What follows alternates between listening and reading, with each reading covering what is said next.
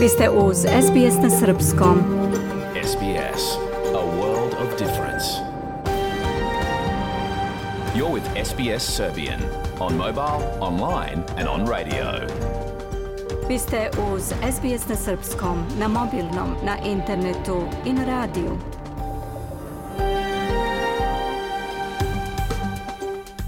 SBS odaje priznanje tradicionalnim vlasnicima zemlje sa koje danas emitujemo program na srpskom. Ovim izražavamo poštovanje prema narodu Ranger i Vojvurung, pripadnicima nacije Kulin i njihovim prošlim i sadašnjim starešinama. Također odajemo priznanje tradicionalnim vlasnicima zemlje iza svih aboriđinskih naroda i naroda sa ostrava iz Toresovog Moreuza, sa čije zemlje slušate program. Dobar dan, danas je ponedeljak 18. septembar, 261. dan 2023. Do kraja godine 104 dana. Ja sam Biljana Ristić. Iz današnjeg programa izdvajamo Australijanci će 14. oktobra izaći na referendum i izjasniti se po pitanju glasa autotonih naroda pri parlamentu. A šta se čini da bi osobe sa invaliditetom mogle da se izjasne na referendumu? Opširnije posle vesti iz sportskog pregleda. Kada se podvuče crta ispod najnovijeg susreta predsjednika Srbije i premijera Kosova u četvrtak u Briselu, analitičari smatraju da je rezultat negativan i nešto što je već viđeno u Briselu. Mija Nikolić reći će više. U Crnoj Gori afera Tunel poprima razmere hollywoodskog filma. Ovom temom bavi se danas naša saradnica iz Podgorice, Milica Delibašić. To su neke od tema. Ostanite sa nama do 16 časova. Sledi pregled vesti.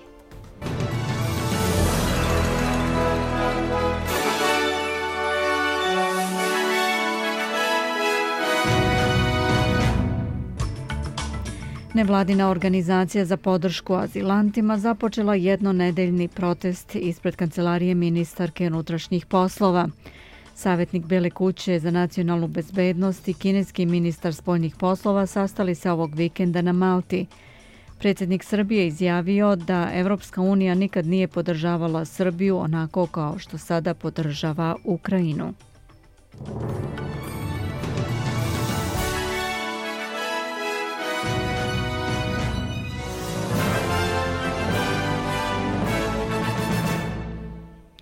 Nevladina organizacija pod nazivom 12,000 Captive Souls, odnosno 12.000 zarobljenih duša, započela je ovog jutra jednonedeljni protest ispred kancelarije ministarke unutrašnjih poslova Claire O'Neill. Protest će se održavati svakog dana od 9 ujutru do 5 popodne, a zahteva se brže procesuiranje izbegličkih viza. Portparolka organizacije Maggie Marshahi i njena kćerka Tanja su među 10 do 12 hiljada tražilaca azila u Australiji koji su odbijeni i imaju prelaznu vizu već 11 godina. Učenica srednje škole Tanja Mišaši kaže za SBS da je proces nepravedan.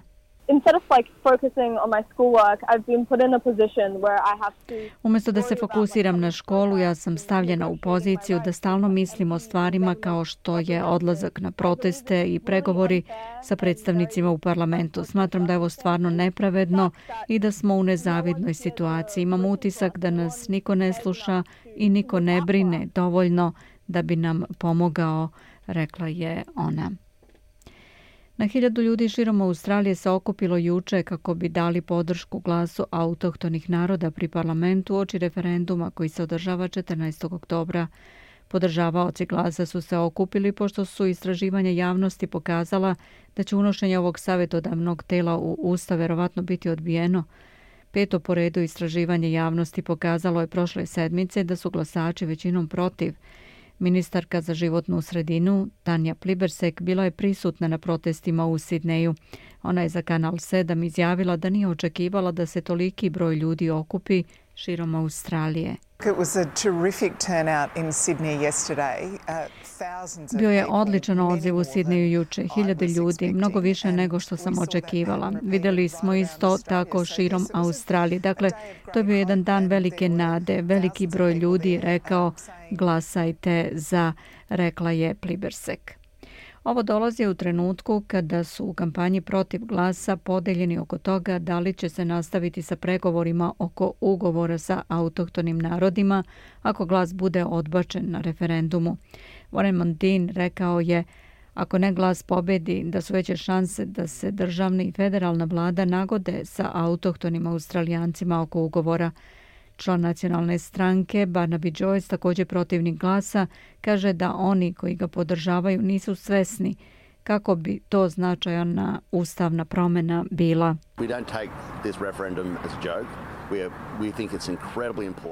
Mi ne smatramo referendum kao šalu. Mi smatramo da je jako važno da ljudi također razumeju koliko je to velika promjena u Ustavu. Ako ovo prođe, najveća promjena u istoriji Australije, to je nešto na što se stvarno moramo fokusirati i shvatiti da ljudi tiho uzimaju u obzir to da jedno selektivno telo bazirano na rasi ima toliku moć na izvršnom nivou nacije.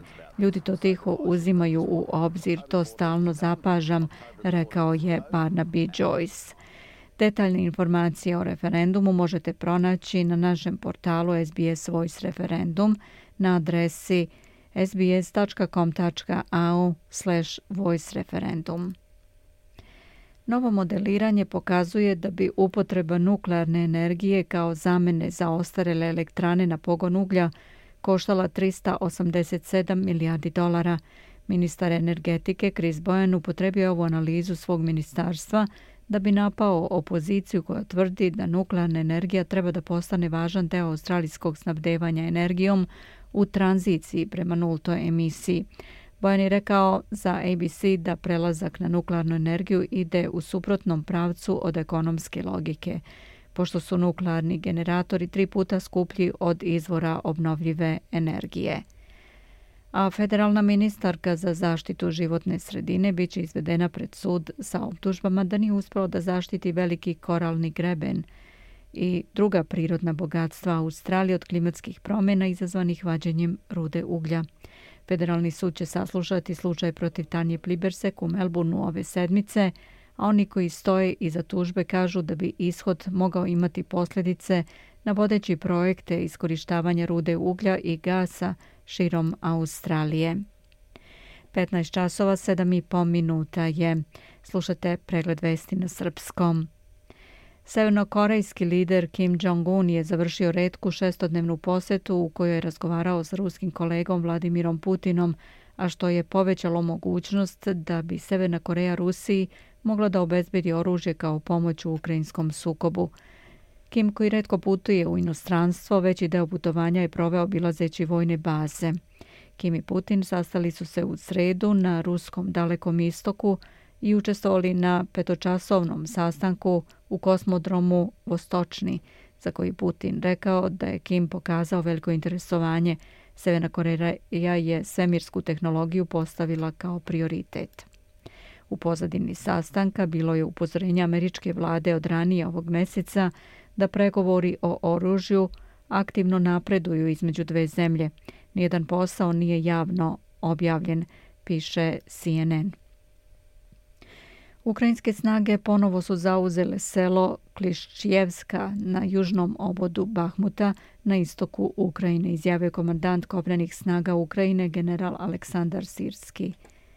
Generalni sekretar NATO-a Jens Stoltenberg umeđu vremenu upozorio je da će rat u Ukrajini trajati dugo. Stoltenberg je u intervju za nemačku medijsku grupu Funke naglasio da će Ukrajina prestati da postoji ako prestane da se bori. Mir je moguć samo ako Rusija položi oružje, rekao je šef Severnoatlantske vojne alijanse. Stoltenberg se izjasnio za opsežne bezbednostne garancije za Ukrajinu kada rat bude završen i tu zemlju vidi kao buduću članicu NATO-a. Stoltenberg je također rekao da je minimalni cilj izdvajanja 2 od 100 bruto domaćeg proizvoda za odbranu i da to očekuje od većine saveznika. Kina je juče uputila 28 borbenih aviona ka Tajvanu, a najveći broj njih preleteo je preko središnje linije Tajvanskog moreuza, nezvanične linije razgraničenja između Kine i Tajvana, što su vlasti u Tajpeju osudile prenosi agencija ANSA. Tajvansko ministarstvo odbrane je navelo i da je proteklih dana 68 kineskih aviona preletelo središnju liniju Tajvanskog Moreuza, kao i da je 10 kineskih ratnih brodova prošlo pored tog ostrava. Neki od tih aviona i brodova uputili su se u područje Zapadnog Pacifika radi izvođenja zajedničkih pomorskih i aviovežbi. Uz učešće kineskog nosača aviona potvrdilo je Tajvansko ministarstvo. Kina zvanično nije komentarisala eventualne vežbe u Zapadnom Pacifiku. Savetnik Bele kuće za nacionalnu bezbednost Jack Sullivan i kineski ministar spoljnih poslova Wang Yi sastali su se ovog vikenda na Malti, saopštili su Peking i Washington, dok dve najveće svetske ekonomije nastoje da stabilizuju odnose. Dve strane održale su iskrene, sadržajne i konstruktivne razgovore tokom brojnih sastanaka održanih 16. i 17. septembra prema objavljenim odvojenim izjavama Bele kuće i Kineskog ministarstva spoljnih poslova, prenosi Reuters. Kinesko ministarstvo spoljnih poslova saopštilo je da su se obe strane složile da zadrže komunikaciju na visokom nivou i održe bilateralne konsultacije o azijsko-pacifičkim i pomorskim pitanjima i o spoljnoj politici. Tri zapadnoafričke zemlje u kojima vlast drže vojne hunte, Mali, Burkina Faso i Niger, formirale su bezbednostni pakt uz obećanje da će jedna drugu podržati i pružiti pomoć u slučaju pobune ili spoljne agresije. Francuska je bila prinuđena da povuče svoje trupe iz Malija i Burkine Faso i u napetim je odnosima sa huntom koja je preuzela vlast u Nigeru nakon što je od nje zatražila da povuče svoje trupe i svog ambasadora. 15 časova 11,5 minuta je slušate pregled vesti na srpskom jeziku. Predsjednik Srbije Aleksandar Vučić izjavio je da Evropska unija nikad nije podržala Srbiju onako kao što sada podržava Ukrajinu, kojoj je status kandidata dodelila iste godine kada je Kijev podneo zahtev. Nemam ništa protiv Ukrajinaca, ali dodeljivanje Ukrajini statusa kandidata za članstvo u Evropsku uniju u roku od godinu dana od podnošenja zahteva i moguće odpočinjanje pregovora sljedeće godine pokazuje nam da takva politička podrška nikada nije postojala za nas, rekao je Vučić Financial Timesu. List podsjeća da je Kijev podneo zahtev za članstvo u februaru 2022. nekoliko dana nakon početka sukoba, a samo četiri mjeseca kasnije Ukrajini je dodeljen status kandidata, dok je Srbija na početak pregovora čekala više od četiri godine. Navodi se da su pregovori Srbije i Evropske unije u zastoju zbog više pitanja, među kojima je i neuspeh Beograda da normalizuje odnose sa Kosovom. Osim toga, dodaje Financial Times, Srbija je jedina država Zapadnog Balkana koja nije uvela sankcije Rusiji, što dodatno umanjilo njene izglede za članstvo u Evropsku uniju. U međuvremenu gostujući u emisiji Hit Tweet na TV Pink, predsjednik Srbije izjavio je da očekuje nove pritiske sa Zapada na Srbiju u pregovorima sa Prištinom. Oni se suštinski slažu sa svim onim što radi Albin Kurti, a ovo sa zajednicom srpskih opština im je must do it, jer je potpisano pre deset i po godina i zato što mi insistiramo na tome i nećemo bez toga, a Kurti to neće da prihvati, sad ne znaju kako da izađu iz te situacije, rekao je Vučić gostujući u emisiji Hit Tweet. Predsjednik Aleksandar Vučić izjavio i da će izaći u susret onima koji su tražili raspisivanjem vanrednih parlamentarnih i beogradskih izbora do kraja 2023. što bi značilo da će biti 4. marta. Umeđu vremenu građanski protest Srbija protiv nasilja 20. po redu održan je u subotu u Beogradu, a njegova glavna poruka bila je nezadovoljstvo izveštavanjem javnog servisa Srbije. Upućeni su zahtevi radioteleviziji Srbije za organizovanje redovnih gostovanja predstavnika opozicionih partija i pokretanje redovnih javnih rasprava o pitanjima bitnim za društvo i Srbiju. Ministar za rad, zapošljavanje, boračka i socijalna pitanja Srbije Nikola Selaković predvodio je juče državnu ceremoniju odavanja počasti i polaganja venca povodom 105. godišnjice probaja Solunskog fronta na Kajmarčalanu. Otvorena je i izložba vodom 110 godina od Bregalničke bitke u Bitolju i otkrivena spomen ploča Vojinu Popoviću, podpukovniku srpske vojske koji je učestvovao u borbama kao komandant dobrovoljačkog odreda na Solunskom frontu. Predsjednik Republike Srpske Milorad Dodik izjavio juče da se utvrđuje osnov, na osnovu čega je Kristijanu Šmitu, koji nije imenovan u Savetu bezbednosti Ujedinjenih nacija na mesto visokog predstavnika, izdata diplomatska akreditacija u Ministarstvu spoljnih poslova u Savetu ministara. Tragamo za odgovornim licima u OHR-u, koja su takav zahtev uputili MIP-u, kao i za onima koji su u Ministarstvu spoljnih poslova potpisali zahtev za izdavanje diplomatske akreditacije.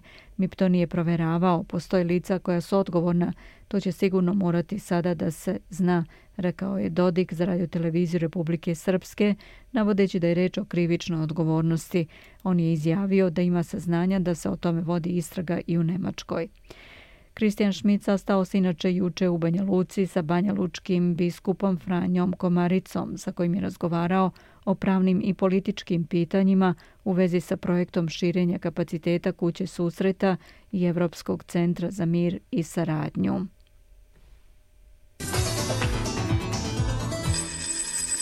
Da pogledamo i kolika je vrednost australijskog dolara danas prema američkom vredi 64 centa. 60 eurocenti, 52 britanska penija i 70 srpskih dinara, 76 para.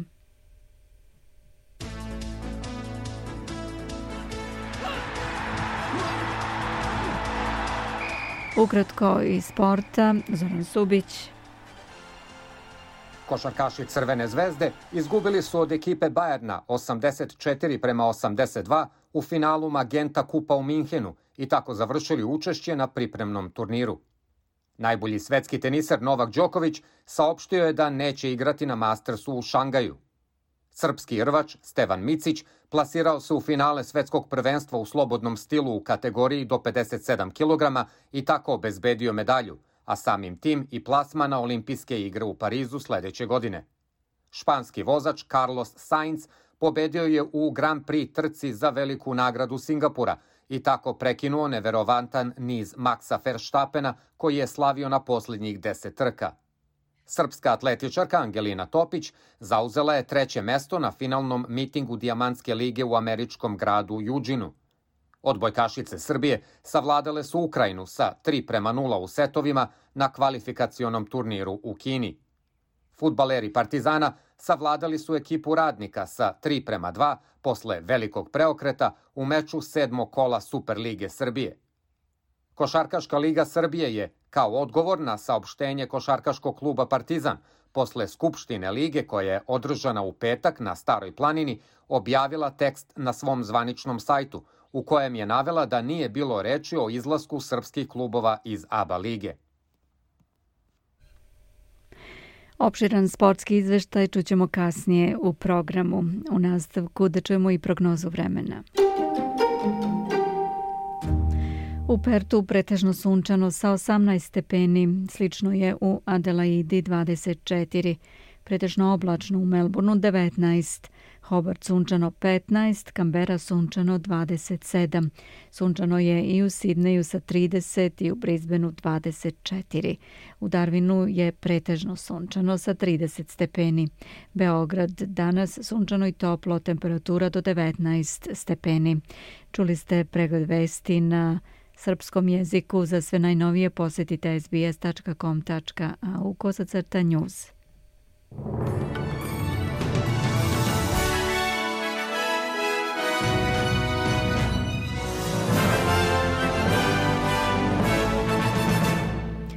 15 časova, 18 minuta, 50 sekundi tačno na našem časovniku. Ostanite sa nama. Kao što sam već najavila, sledi opširan sportski izveštaj koji je pripremio Zoran Subić. Da čujemo.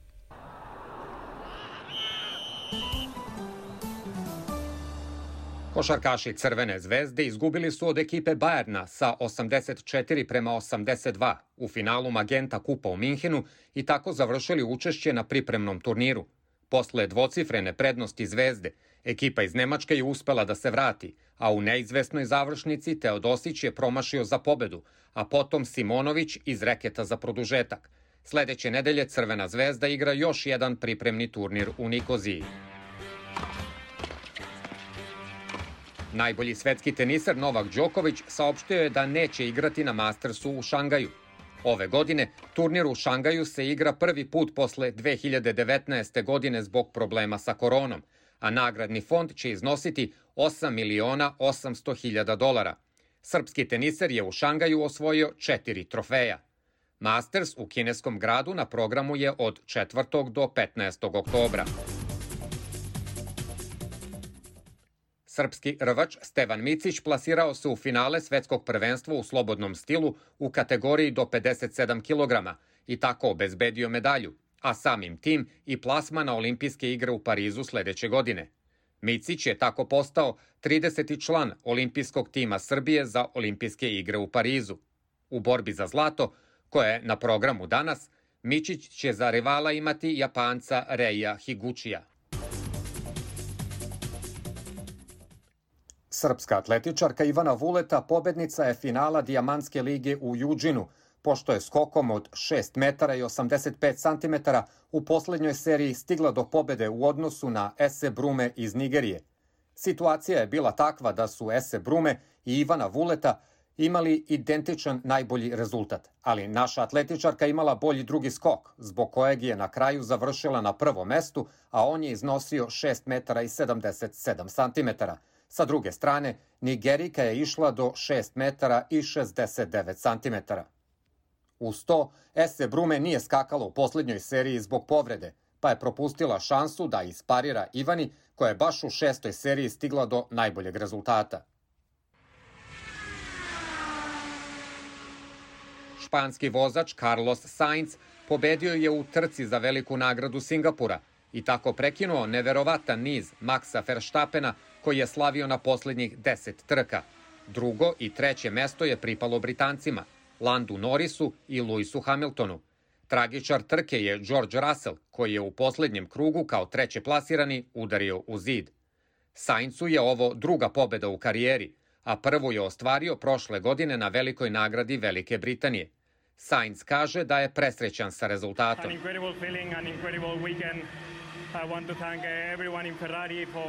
Neverovatan osjećaj, neverovatan vikend.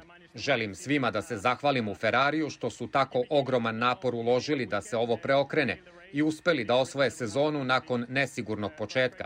A sada smo uspeli da super odradimo vikend i ovu trku. Sve smo uradili što smo trebali. Perfektno smo odradili i doneli kući titulu za koju sam siguran da će Italija i Ferrari danas biti ponosni. Po prvi put u poslednjih 69 godina Fidži je pobedio ragbi reprezentaciju Australije na svetskom prvenstvu u ragbiju. Sa ovom pobedom od 22 prema 15, stanje u grupi C je potpuno otvoreno, a dvostruki svetski šampion Australija je ostala šokirana. Kapiten Fidžija, Vajsi Najalehu, je rekao za Kanal 9 da je ponosan na svoj tim. Today is our final. Today will determine whether we want to go up Šta sam momcima danas rekao je da je za nas danas finale. Danas će odlučiti da li želimo da idemo u četvrt finale. Naše mentalno stanje je danas bilo da damo sve od sebe. Borit ćemo se do kraja, a rezultat će sam da dođe.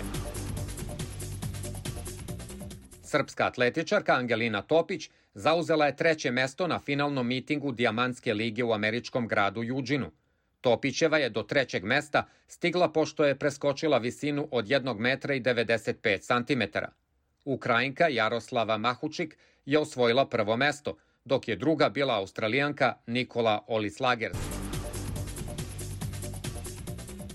Odbojkašice Srbije savladale su Ukrajinu sa 3 prema 0 u setovima na kvalifikacionom turniru u Kini – Naredni rival srpskim odbojkašicama je Kanada 19. septembra od 4 sata posle ponoći po srednjeevropskom vremenu. Futbaleri Partizana savladali su ekipu radnika sa 3 prema 2 posle velikog preokreta u meču sedmog kola Superlige Srbije.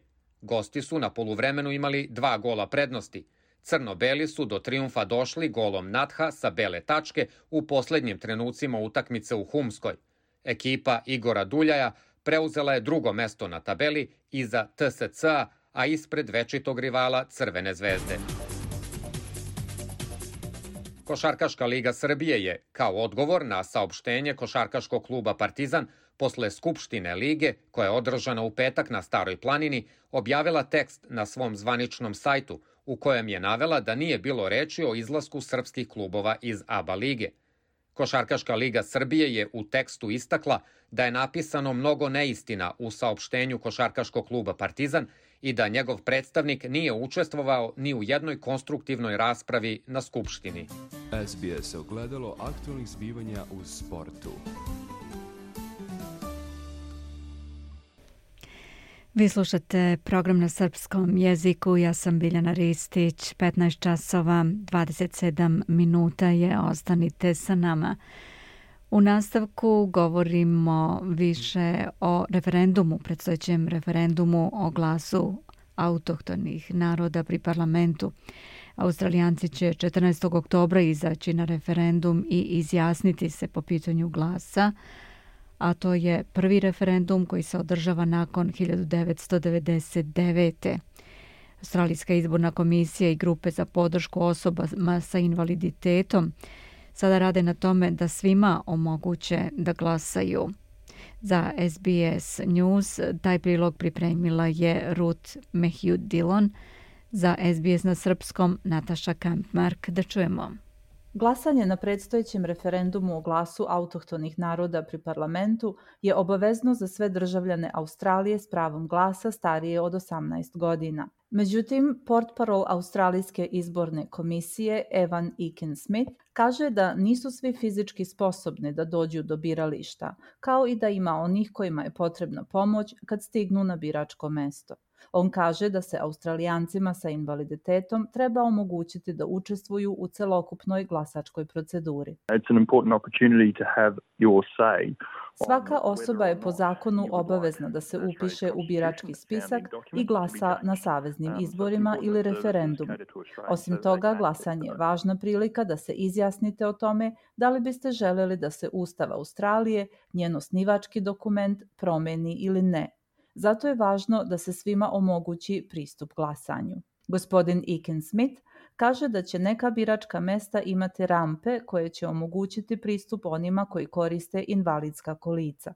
Australijska izborna komisija će objaviti zvanični spisak biračkih mesta na kome će biti navedena ocena pristupačnosti za osobe sa invaliditetom. Informator o referendumu je dostupan na raznim jezicima i na Brajevom pismu, štampan krupnim slovima i u audio formatu, a onima koji ne mogu da izađu iz automobila na biračkom mestu, glasački listić će se doneti u automobil. On takođe kaže da će se na biralištima za ljude koji su gluvi ili nagluvi obezbediti slušna pomagala i olovke koje pretvaraju govor u tekst, kao i virtuelni tumači za australijski govor za gluvoneme.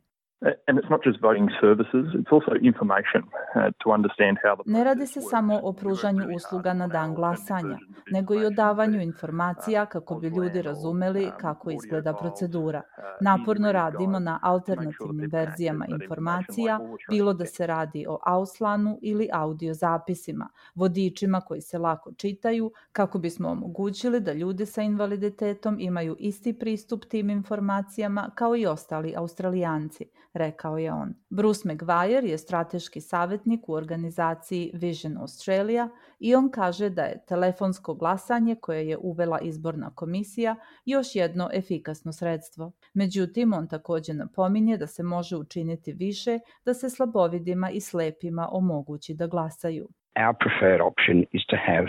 Um, Smatramo da je najbolja opcija da obezbedimo takozvano glasanje uz pomoć tehnologije, glasanje putem interneta. U stvari, upravo se spremamo da dostavimo naš odgovor na upit izborne komisije Novog Južnog Velsa o glasanju uz pomoć tehnologije, jer smatramo da je idealno rešenje da se ljudima ponudi niz opcija, uh, uključujući i glasanje putem interneta. Još nismo došli do te tačke sa saveznim izborima ili referendumom, ali se nadamo da ćemo i dotle stići s vremenom, objasnio je on. Organizacija Demencija Australija zalaže se za osobe sa demencijom i one koji se brinu o njima. Izvršna direktorka dr. Kale Stokes kaže da te ljude ne treba zaboraviti tokom glasanja. From a barrier point of view, often people don't necessarily even think to ask someone with a cognitive Što se barijera tiče, ljudi često ne pomišljaju na to da pitaju nekoga sa kognitivnim oštećenjem da li žele da glasaju. Ljudi pretpostavljaju da osobe sa dijagnozom demencije ne mogu da učestvuju u glasanju, da ne mogu da razumeju izborni proces, niti da donose odluke. A znamo da to uopšte nije tako. Dok je demencija progresivna bolest koja postepeno menja i smanjuje nečije kognitivne sposobnosti, ti ljudi su često i dalje u mogućnosti da učestvuju u donošenju odluka o ključnim elementima svog života, a u to spada i glasanje, objašnjava Stokes. Dr. Stokes kaže da dolazak na biračko mesto često može biti zbunjujuće iskustvo za ljude sa kognitivnim deficitom, posebno za one koji su se mentalno vratili na svoj maternji jezik we're encouraging people not only to start talking to their families and, and carers around uh, their wishes. Savetujemo ljudima da porazgovaraju ne samo sa svojim porodicama i negovateljima o tome šta žele, nego da se obrate i izbornoj komisiji i lokalnim biračkim mestima, kako bi im se obezbedilo sve što im treba da bi mogli da glasaju. Možda im treba malo više vremena na biračkom mestu ili neko da im objasni proceduru za glasanje, možda i nekoliko puta da bi bili sigurni da razumeju šta treba da urade. Zaista je važno da porazgovaraju sa doktorom ili porodicom, ističe dr. Stokes. Luke Briscoe iz Udruženja autohtonih stanovnika sa invaliditetom kaže da fizički pristup biračkim mestima može biti problematičan za neke pripadnike prvih naroda, naročito one koji žive u udaljenim krajevima. for a lot of the First Nations communities across Australia, Nema mnogo informacija na jezicima autohtonih naroda. Moramo obezbediti informisanje na jezicima prvih naroda, naročito zato što se radi o glasu autohtonih naroda, što se odnosi na aboriđene i stanovnike iz Torresovog Moreuza. Za očekivati je da se obezbedi više izvora informacija za prve narode, kaže on. Eva Niken Smith kaže da Australijska izborna komisija shvata da procedura još nije sasvim prilagođena ljudima sa invaliditetom, ali on takođe napominje da je komisija uvek zainteresovana da radi na poboljšanju situacije. We work really hard on it. Um, we've got something called... Zaista puno radimo na tome. Predsedavamo savetodavnom komisijom u koju smo pozvali nadležne organizacije širom Australije, od kojih tražimo savete o tome kako da obezbedimo najbolje uslove za osobe sa invaliditetom i kako da najbolje komuniciramo sa svim australijancima, objasnio je on. Za detaljne informacije o referendumu posetite SBS-ov portal o referendumu o glasu. Slušate SBS na srpskom. Ja sam Biljana Ristić. Ostanite sa nama. Sledi tema iz Srbije. Nova runda briselskih pregovora Beograda i Prištine o normalizaciji odnosa nije donela nikakav pomak, a pad pozicija otvorila je nekoliko pitanja, među kojima dominiraju ona o tome kakve posljedice bi ovakav razvoj događaja po Srbiju i Kosovo mogao da ostavi i ko bi mogao najviše da ih oseti. Na liniji imamo Miju Nikolić. Mija, dobar dan. Šta se može reći? Da li je dijalog propao?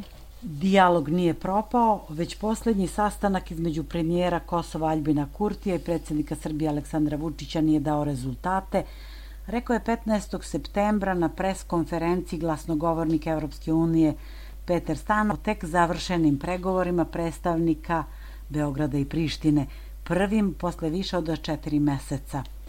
Po završetku razgovora u Briselu, Jose Borelj, šef diplomatije Europske unije, izjavio je da e, Albin Kurti nije bio spreman da napravi korak napred i da pristane na osnivanje zajednice srpskih opština, nego je insistirao da de facto priznanje nezavisnosti Kosova bude prvi korak, a da je predsednik Srbije Aleksandar Vučić prihvatio evropski predlog za primenu sporazuma.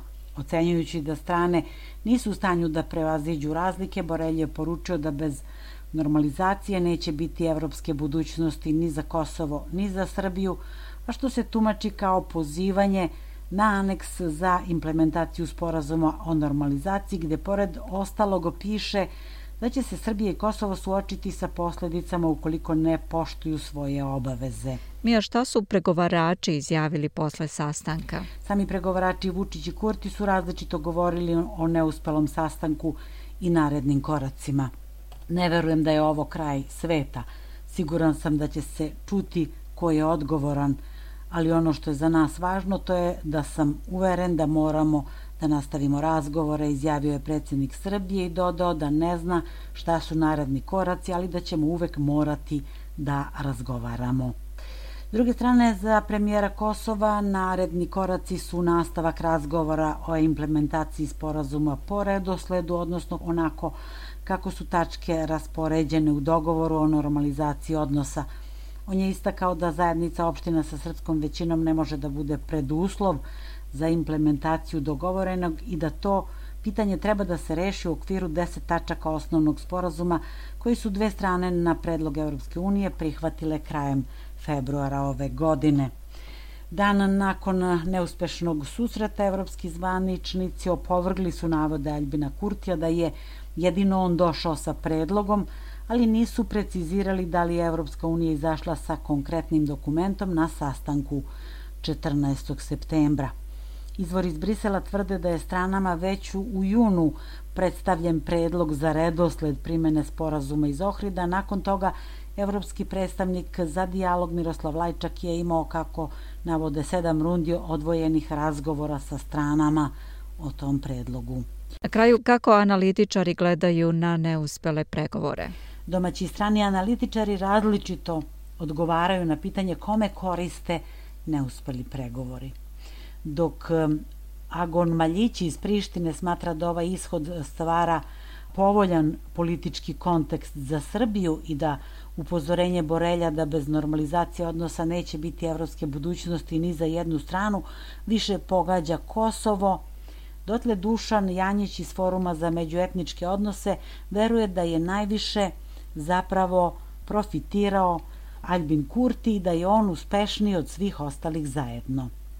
On je formirao novu realnost na severu Kosova i on diktira tempo pregovora, kaže Janjić uz napomenu da to donosi bezbednostne rizike – Prema njegovoj oceni Beograd i Priština ne bi trebalo da razgovaraju o implementaciji aneksa sporazuma za normalizaciju odnosa dok se Srbi sa severa ne vrate u kosovske institucije i podsjeća da su ih oni napustili u novembru prošle godine kako bi sprečili Kurtijevu vladu da ukine registarske oznake za gradove na Kosovu koje izdaju srpski organi. Maljići stopiranje evropskog puta ne vidi kao problem za Srbiju, jer u njoj ni nema, kako kaže, vere da integracije napreduju, ali status quo za Kosovo ocenjuje kao kaznu. Kosovo je zaglavljeno, njegova međunarodna pozicija je dodatno oslabljena uključujući i kaznene mere Evropske unije, kao i povećanje rizika za eskalaciju bezbednostne situacije na severu, što bi moglo da dovede do oblika nazovimo ga međunarodnog protektorata na severu, kaže Maljići. Maja Piščević, viša saradnica Atlantskog saveta iz Vašingtona, ne vidi da bi neuspeh sastanka u Briselu mogao imati posledice po Srbiju, s obzirom da je, kako ocenjuje, Borelj nedvosmisleno označio Kurtija kao odgovor za propale pregovore 14. septembra. Njena koleginica Balbona Zaneli ne može da proceni moguće posledice po vlade dve strane, ali je sigurna da će ih svakako osetiti obični ljudi. Oni, kako navodi, prepoznaju ova beskrajna iluzorna obećanja o tranziciji. Mladi i sposobni će krenuti put pod noge, a odliv mozgova je uglavnom uzrokovan očajem zbog ekonomske i situacije u institucijama. Ukazujući da je invazija na Ukrajinu pokazala kako stvari mogu brzo da izmaknu kontroli, ona naglašava da neodgovorni potezi lidera mogu da rezultiraju ozbiljnim konfliktom u čemu Rusija vidi priliku da destabilizuje Balkan kao deo svog strateškog interesa, navela je. A bivši diplomata Nebojša Vujović navodi da je predsednik Vučić dobio ozbiljno upozorenje iz Sjedinjenih američkih država da ne raspisuje vanredne parlamentarne izbore dok ne ispuni prihvaćene obaveze iz Ohridskog sporazuma. SAD neće dozvoliti da im se ponovi Boris Tadić i Vojislav Koštunica koji nisu ispunili njihova očekivanja vezana za Kosovo. Amerika se protivi raspisivanju vanrednih parlamentarnih izbora iz straha da Vučićeva opcija ne doživi poraz. Vučić je pokušao da kupi vreme jer se nadao da će Donald Trump biti favorit za povratak u Belu kuću, a što je po svim procenama daleko od ostvarivog, kaže Vujović. Navodi da su glavni američki interesi da Srbija postane deo euroatlantskih integracija i da se na ovom prostoru napravi blok daljem uticaju Rusije, a da Sjedinjene američke države samo u Vučiću vide čoveka koji može da povuče zemlju u tom pravcu. Ocenjuje da će Sjedinjene države Vučiću sve gledati kroz prste, pa i nefer izbore, dok ne realizuje sve što im je obećao vezano za Kosovo, formalizovanje kosovske nezavisnosti, ali i uvođenje sankcija Rusiji. Nažalost, e, Sjedinjene države nisu zainteresovane da svoje demokratske vrednosti preslikaju u Srbiji. Ameriku sada ne zanimaju demokratija, ljudska prava, podela vlasti, sloboda medija ili pošteni izbori u Srbiji, zaključuje Nebojša Vujović, koji je 90. bio šef misije Savezne Republike Jugoslavije u Vašingtonu i učesnik u Dejtonskim pregovorima. Biljana. Toliko za danas. Hvala Mija. Bila je to naša saradnica iz Srbije, Mija Nikolić. Slušate program na srpskom. Ja sam Biljana Ristić. Vi ste uz SBS na srpskom. 15 časova 44 minuta je još jedna tema iz Srbije. Centralna manifestacija obeležavanja Dana srpskog jedinstva, slobode i nacionalne zastave održana je 15. septembra u Haličajru, Nišu. Dan srpskog jedinstva, slobode i nacionalne zastave se kao državni praznik slavi od 2020. na osnovu dogovora rukovodstva Srbije Republike Srpske. Obeležava se na dan kada je 1918. probijen Solunski front u Prvom svetskom ratu. Dan srpskog jedinstva, slobode i nacionalne zastave prvi put se slavio i u inostranstvu. Frankfurt je ove godine bio centar okupljanja srpske dijaspore u Nemačkoj povodom ovog praznika, a ministar bez portfelja zadužen za dijasporu Đorđe Milićević je u svojstvu i zaslanika predsjednika Srbije Aleksandra Vučića pozdravio veliki broj okupljenih Srba. Na centralnom trgu Rosmark bilo je sve u znaku srpske kulture i u bojama srpske zastave, javlja Hranislav Nikolić. Da čujemo. Vi ste uz SBS na srpskom. Ministar bez portfelja u vladi Srbije, zadužen za odnose sa dijasporom, Đorđe Milićević, prisustvovao je u petak svečanosti povodom Dana srpskog jedinstva, slobode i nacionalne zastave u Frankfurtu. Ministar Milićević je svoje prisustvo na svečanosti u Frankfurtu najavio prošle nedelje, kada je u preš centru Udruženja novinara Srbije održao online sastanak sa predstavnicima više od 200 udruženja srpske dijaspore. Ovdašnji mediji preneli su reči Đorđa Milićevića iz Nemačke. On je istakao da je činjenica da se ovaj praznik obeležava van granica zemlje jasna poruka vlade i predsednika Srbije Aleksandra Vučića da su svi Srbi koji žive u dijaspori daleko od svojih ognjišta deo srpske zajednice.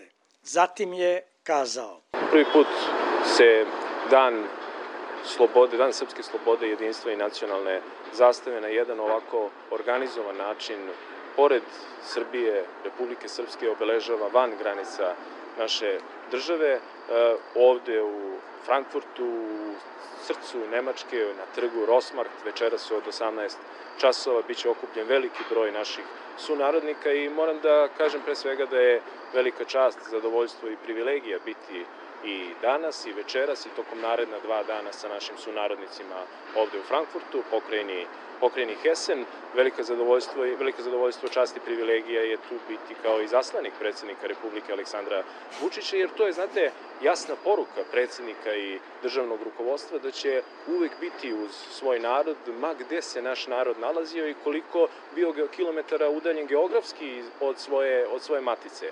Dakle, jasna poruka naši sunarodnici uvek pripadaju i pripadaće srpskoj zajednici. Zašto je važan dan srpskog jedinstva, slobode i, e, i nacionalne zastave?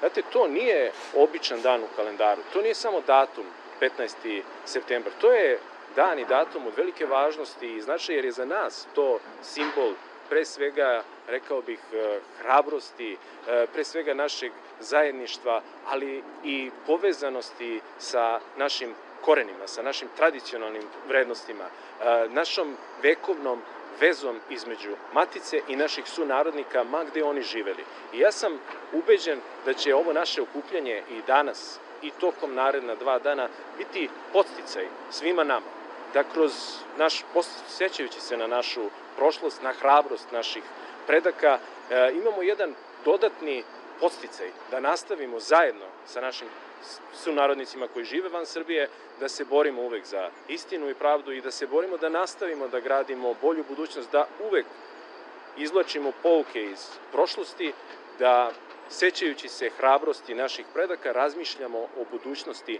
naših potomaka.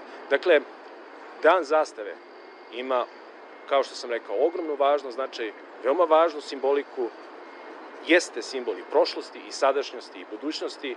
Tri boje, crvena, plava i bela, simbolizuju i hrabrost, i slobodu, i mir, i okupljujući se ovde i danas u Nišu, Čajru, Srbiji, oko naše zastave, mi zapravo šaljemo poruku poštovanja naših srpskih vrednosti. Ministar se tokom govora zahvalio generalnom konzulu Republike Srbije u Frankfurtu Branku Radovanoviću i organizatorima na trudu i predanosti koje su uložili u ovu manifestaciju. Dani kulture Srbije u Frankfurtu traju od 15. do 17. septembra na trgu Rosmarhet. Organizatori su Generalni konzulat Republike Srbije u Frankfurtu i Centralni savet Srba u Hesenu, a partner ove manifestacije je između ostalih i grad Novi Sad. Iz Beograda za SBS Hranislav Nikolić. Želite da čujete još priča poput ove? Slušajte nas na Apple Podcast, Google Podcast, Spotify ili odakle god slušate podcast. Slušate SBS na srpskom, ja sam Biljana Ristić, ostanite sa nama. U Crnoj Gori afera Tunel poprima razmere hollywoodskog filma. U osnovnom državnom tužilaštvu u Podgorici saslušane su osobe koje mogu imati saznanja o slučaju obijanja depoa Podgoričkog višeg suda i probijanja tunela. Policija je pronašla kombi za koji postoji sumnja da su ga koristili osumnjičeni za obijanje depoa, saopšteno je portalu Radio Televizija Crne Gore iz uprave policije. Kombi je pronađen na teritoriji Podgorice. Šest osoba koje su osumnjičene da su kopale tunel nisu iz Crne Gore i policija za njima intenzivno traga, rečeno je portalu RTCG u bezbednostnom sektoru. Ovom temom bavi se danas naša saradnica iz Podgorice, Milica Delibašić. Da čujemo.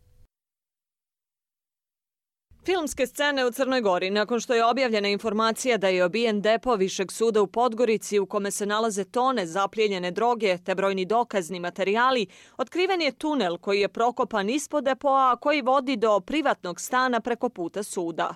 Nakon što je prvo predsjednik suda Boris Savić kazao da je utvrđeno da gotovo ništa ne nedostaje, ministar pravde Marko Kovač je kazao da fali najmanje 19 komada vatrenog oružja.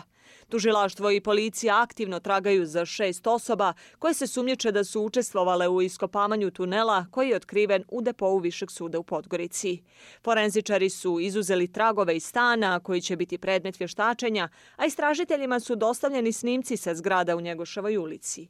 Iz uprave policije potvrđeno je da je u blizini pronađen kombi za koji se vjeruje da su ga koristili osumnjičeni za obijanje depoa. Na nedavnoj sjednici Biroa za operativnu koordinaciju organa obavještajno-bezbjednostnog sektora konstatovano je da je provala depoa u Podgorici najznačajniji i najopasniji udar na institucije države i pravosudni sistem. Zaključeno je da je riječ o aktivnostima sa visokim nivom organizacije i profesionalizma. Zasjedalo je i Vijeće za nacionalnu bezbjednost. Premijer Dritan Abazović nakon sjednice istekao je da osnovno državno tužilaštvo, uprava policije i AMB na ovom slučaju rade bez podrške međunarodnih partnera.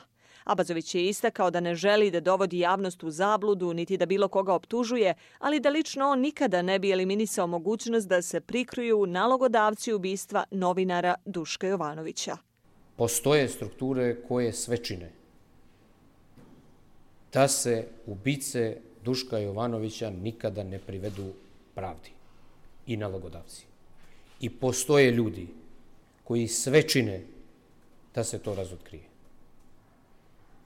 Mislim da lično, ovo je samo moj stav, ovo nema veze sa vijećem, niti sa kolegama koji su ovdje, lično nikad ne bih, da tako kažem, eliminisao tu mogućnost da se sve radi sa ciljem da se prikriju nalagodavci i ubice Duška Jovanovića. I to je najveći problem sa kojim se država Crna Gora suočava. Rešavanje pitanja ubistva Duška Jovanovića će dati odgovore na stotine drugih kriminalnih aktivnosti koji su se desili u Crnoj Gori u prethodnih 20 godina. I to ostaje prioritet. I kogod misli da može to da zaustavi, ja tvrdim ovdje pred ovim ljudima odgovorno i pred crnogorskom javnošću da dokle, ne dokle bude ove vlade, no dokle bude jednog čovjeka u Crnoj Gori, spremnog da se žrtve, da se ta, to pitanje riješi, da mi nećemo, mi nećemo stati. Napadi na sektor bezbjednosti potpuno su očekivani, a zajednički interes napadača je povratak mafije, rekao je ministar unutrašnjih poslova Filip Adžić. Vršilac dužnosti direktora uprave policije Nikola Terzić nije želio da saopšti imena osumnjičenih za kopanje tunela, navodeći da bi otkrivanje podataka u ovom momentu olakšalo počiniocima. Ja apelujem u svoje lično ime u ime uprave policije sve za strpljenje, da dozvolite upravi policije da na neki način zatvori kompletan slučaj. Tek nakon toga apsolutno smo raspoloženi da odgovorimo na sva vaša pitanja. Dakle, nije cilj zato što ne želi uprava policije da odgovori iz bilo kojeg razloga na postavljanje ovog pitanja, nego iz razloga što istraga, potraga za tim licima je aktivna. Dakle, razmenjujemo informacije kako na teritoriji Crne Gore, tako i van naše države i mislim da bi sa davanjem bilo kakvih daljih podataka i detalja upravo pomogli tim licima da ostanu nedostupni za istražne organe uprave policije, odnosno Crne Gore. Stan u blizini suda u Njegošovoj ulici u strogom centru Podgorice bio je od kraja jula iznajmljen osobama koje su koristile falsifikovana dokumenta. Provala je otkrivena 11. septembra kada su službenici suda primijetili da su ispreturani predmeti unutar depoa.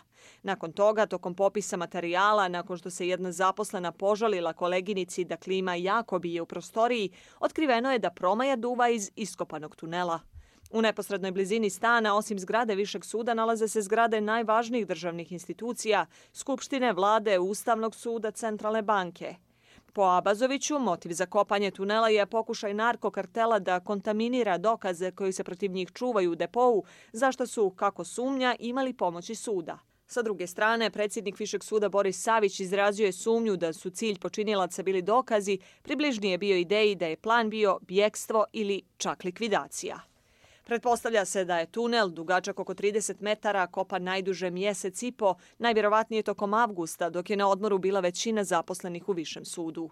Stanodavci su saslušani u Podgoričkoj policiji. Vlasnica je rekla da ne poznaje osobe koje su iznajmile stan. Utvrđeno je da su koristili lažna dokumenta. Policija za sada ne sumnja da je vlasnik stana povezan sa ovim slučajem. U depou se nalazi stotinu hiljada predmeta, dokaznog materijala iz brojnih krivičnih postupaka, materijal sa suđenja, 9 tona droge, 400 komada oružja, municija, eksplozivi. Iz Podgorice za SBS na srpskom Milica Delibašić.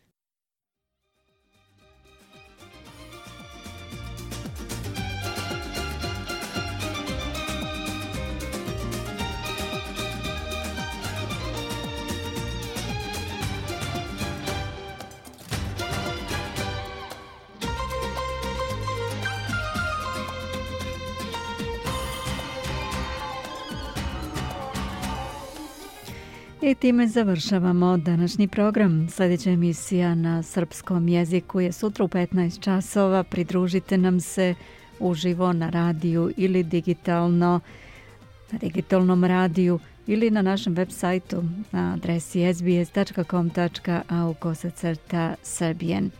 Posetite našu web stranicu, tu možete ponovo slušati program bez reklama, možete slušati podcast vesti, raznih interesantnih priloga koje ste propustili.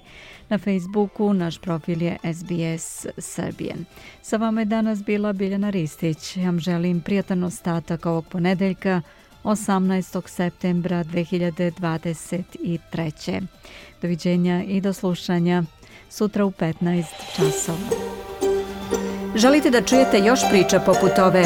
Slušajte nas na Apple Podcast, Google Podcast, Spotify ili odakle god slušate podcast.